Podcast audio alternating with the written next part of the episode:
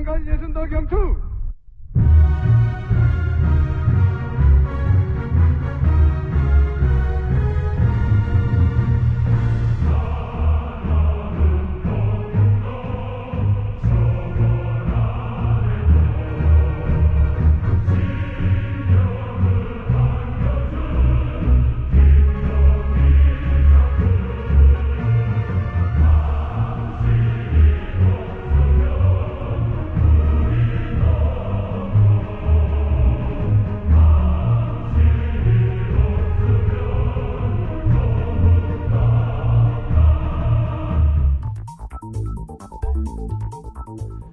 V OFU smo že poročali o novoletni poslanici severnokorejskega voditelja Kim Jong-una, ki je na najvišjo pozicijo v državi stopil ob smrti svojega očeta Kim Jong-ila aprila lansko leto. Poslanica, ki je bila povedana v precej spravljivem tonu in je poleg napovedi gospodarske rasti vsebovala tudi željo za razrešitev sporov z Južno Korejo, je bila prva novoletna poslanica kakšnega severnokorejskega voditelja v zadnjih 19 letih. Kim Jong-un je po mnenju opazovalcev karakterno zelo različen od svojega pokojnega očeta, čeprav vodi približno isto politiko. Je pa bolj naklonjen ženskam, saj je umaknil prepoved kolesarjenja za ženske v Pjongjangu in je, za razliko od svojega očeta, večkrat javno viden s svojo soprogo.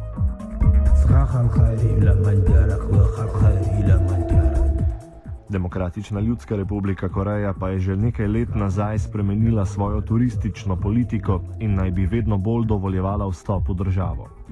Turizem v Severni Koreji je sicer nadzorovan in javno voden, vendar se na takšno avanturo odpravlja vedno več ljudi.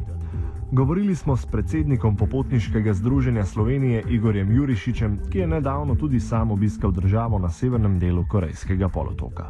Ja, v Demokratični ljudski republiki Korejo sem dejansko prišel preko enega kolega iz Dunaja, eh, ki me je predstavil na veleposlaništvu, ko smo imeli eno zadevo in potem, ko smo začeli pogovarjati, eh, mi je bilo povedano pač, da bi bilo prijetno, če bi eh, kdo iz Slovenije prišel na eh, stoto obletnico rojstva Kim Il-sunga in tako smo trije iz Slovenije potem tudi eh, nekako šli v Pjongjang in takrat tudi sodelovali na vseh teh državnih slovesnostih.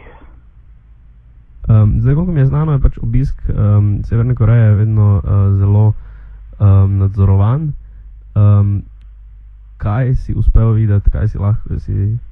Kaj, Zdaj, kaj so tako, ne toliko, da bi bil nad- nadzorovan, koliko to, da smo imeli program res eh, dokaj, eh, eh, dokaj na minuto skoraj točno eh, pripravljen. Eh, namreč mi smo se morali prilagajati vsem tem prot, eh, zahtevam protokola eh, in tudi moram priznati, da so nas zelo, zelo prijetno tretirali in zelo lepo, da, tak, da smo bili naprimer vedno eh, v prvih vrstah pri vseh dogodkih. Eh, eh, je pa res, da smo ve, vedno imeli ob sebi našega eh, spremljevalca, torej, ki je bil tudi hkrati vodnik in prevajalec, eh, kar pa je skoraj nujno potrebno, saj je zelo malo napisal, ki bi bili v angleščini, pa tudi eh, relativno malo ljudi govori angleško. Um, zdaj, Severna Koreja je videna uh, iz strani predvsem Zahoda kot neka hermetično zaprta država, kjer um, vlada tiranija uh, in kjer v bistvu uh, ljudje izjemno trpijo, nihče pa nič ne ve o tem. Uh, kakšen je bil pa tvoj, um, tvoj občutek, potem ko si obiskoval Severno Korejo?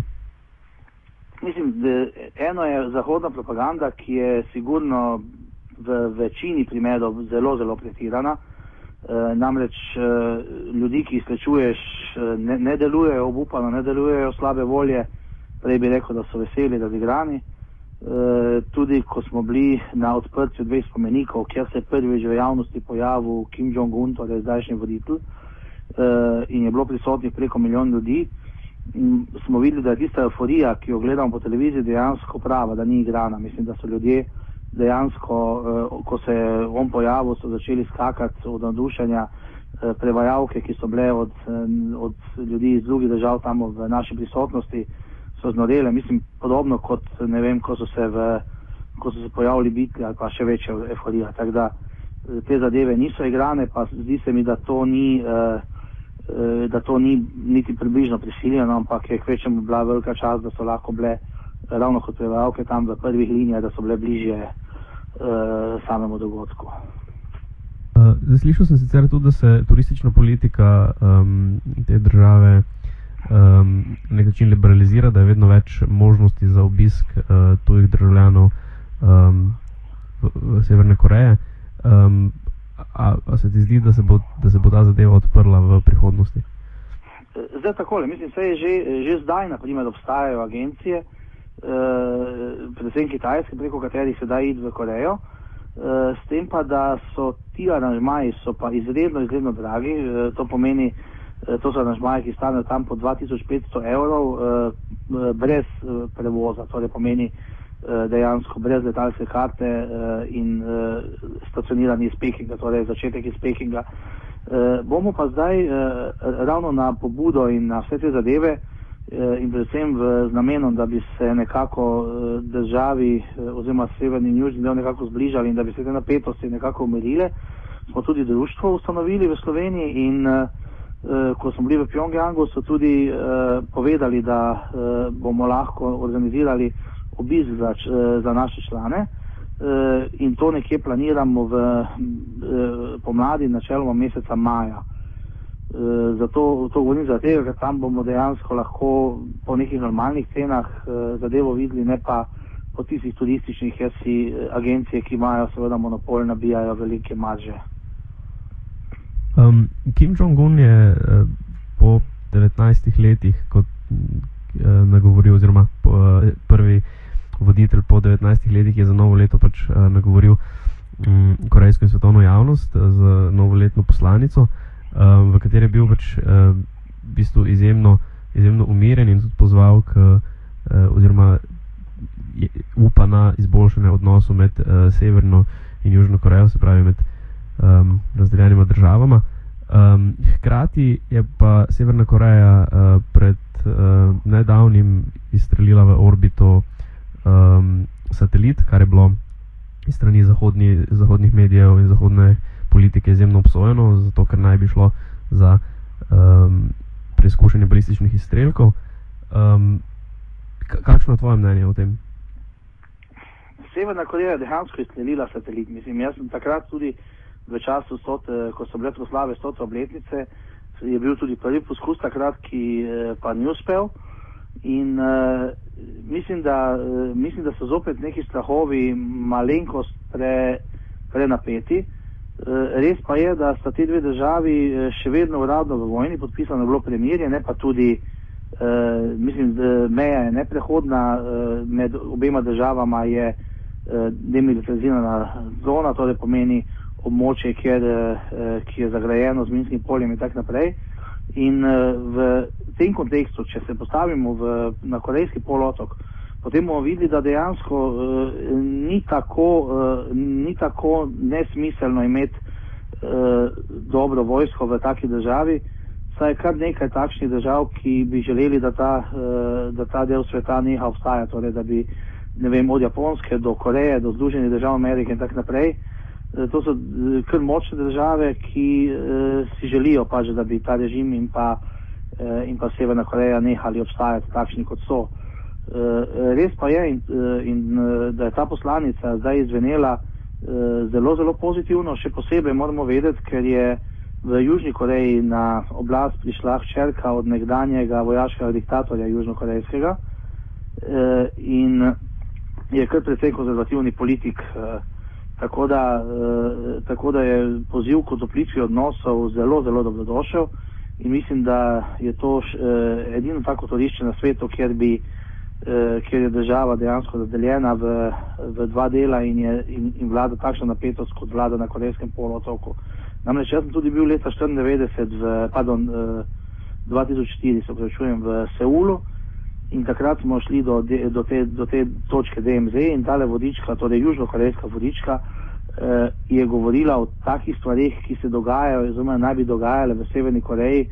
Eh, da, da, mislim, da, da, da so bile že prva dva stavka, sta že postala neverjetna. Eh, od tega, da živ Bog ne more stopiti v to državo, eh, da tam ne vemo, otroke že ubijajo in tako naprej. Mislim, skratka, propaganda proti tej državi, torej proti Demokratični uh, republiki Koreji, je, je precej močna. Tega se moramo zavedati in zato je zelo, zelo potrebno izluščiti tisto, kar je res in tisto, kar, uh, tisto, kar je temu dodano. Mislim, vsi vemo, da je v, v 90-ih letih, ko je bil kolaps eh, Sovjetske zveze in, eh, in sistemov v vzhodnji Evropi, da, da je tudi za države, ki so bile trgovsko vezane torej na, na ta del Evrope, da je pomenilo to določeno težavno situacijo in tako je tudi Demokratično ljudsko republiko Korejo takrat to seveda prizadelo, ampak situacije so da, danes, vsaj, vsaj po tem, kar sem jaz uspel videti, daleč od tega, kar poskuša zahodna propaganda prikazati. Seveda je pa v državi vlada zelo, uh, mislim, kar uh, red vlada v državi, uh, država je izjemno čista, držijo se predpisov in,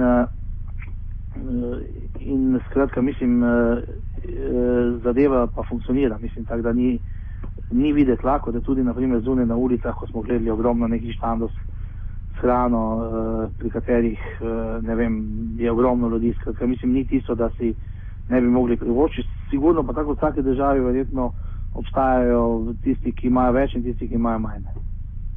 Um, zdaj na primeru, uh, na primeru Kube se recimo uh, do, dobro vidi, da, da za, za revščino in lakoto v, v, v tej državi uh, ni, ni toliko kriva, kriv režim, uh, koliko je kriv, uh, kriva uh, mednarodna politika, se pravi, na primeru Kube konkretno pritiski Združenih držav, embargo, um, gospodarski pritiski drugih držav. A se nekaj podobnega dogaja tudi v uh, primeru Severne Koreje? Poglejte, tudi, tudi Koreja ima to, uh, ima to smolo. Ima uh, pa tudi na drugi strani eno veliko srečo, namreč njen največji trgovski partner je Kitajska, s katero, s katero meji. Eh, in glede na to, da je eh, verjetno 90% vsega, kar eh, se kupuje po trgovinah kitajske proizvodnje, je tako to en, en zelo dober moment. Torej pomeni, čeprav mogoče ni zahodnih stvari zaradi embarga Združenih držav Amerike in, in drugih držav, je pa imajo pa ogromno torej, trgovskih torej, izdelkov iz Kitajske, tako da nekako na ta način uspejo, uh, uspejo ta embargo ublažiti. Ko smo bili na tem otoku, ko, se, eh, ko, se, ko je ta Luna Park, pa ta Delfinari, pa stadion eh, Prvomajski, tam se dejansko tre ljudi in, in čez dan, in popovdan, in po noči. Uh, tam je vedno polno ljudi, ki, so, ki prihajajo tja po, po zabavo, ki jim je na voljo in tega je ogromno. Skratka, mislim, ni, niso samo tiste slike, ki jih mi gledamo po internetu, uh, ko, uh, ampak predvsem. Eh, predvsem so to ljudje, ki se, ki se ravno tako kot mi radi zabavajo, radi naredijo kak piknik in eh, če se boste nedeljo sprehodili po Pjongjangu, boste videli po vseh parkih, da, so, da si prinesejo da nekaj, nekaj, nekaj doštilček, nekaj malega si spečejo, prinesejo pijačo in se zabavajo. Kim Jong-un um, pravijo, se ne razlikuje po politiki toliko od svojega očeta Kim Jong-ila, ampak naj bi bil karakterno uh, drugačen. Kaj lahko pričakujemo pri Severni Koreji, zdaj, ko se je menjala uh, oblast? Zdaj, če, če smem potegniti paralelo, se mi zdi, da je, da je, da je mladi voditelj Kim Jong-un precej podoben svojemu detku Kim, Jong, uh, Kim Il-sungu. Uh, in tudi, uh, ko smo imeli to možnost, da smo gledali razne filme, ki se nas peljali gledati, uh, in ko smo gledali, naprimer, posnetke, uh, posnetke uh, Kim Il-sunga iz njegovih mladih let in zdajšnje posnetke Kim, eh, Kim Jong-una, vidimo, da, sta, eh, da, je, da je zelo, zelo podoben eh, svojemu detku in tudi politika, ki jo vodi in način, torej predvsem kako jo vodi, se mi zdi, da, da bo predvsej podobna tisti, ki jo je vodil ustanovitelj Demokratične ljudske republike Koreje, torej Kim Il-sung. Kar pomeni, da, kar pomeni, da bo verjetno več v javnosti, kot je bil njegov oček. Eh, Kim Jong-il eh, in pa eh, da bo, da bo na ta način tudi večkrat nagovoril, nagovoril javnost, da, bo, da se bo odzival na, na razne vprašanja in tako naprej.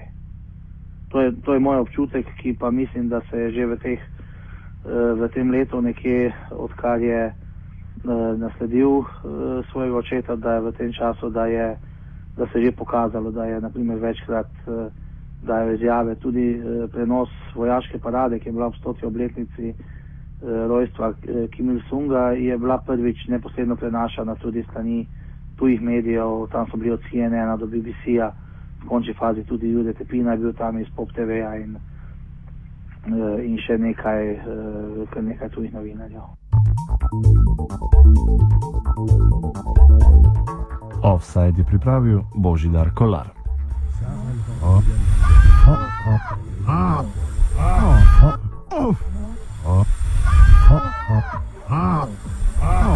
Offside.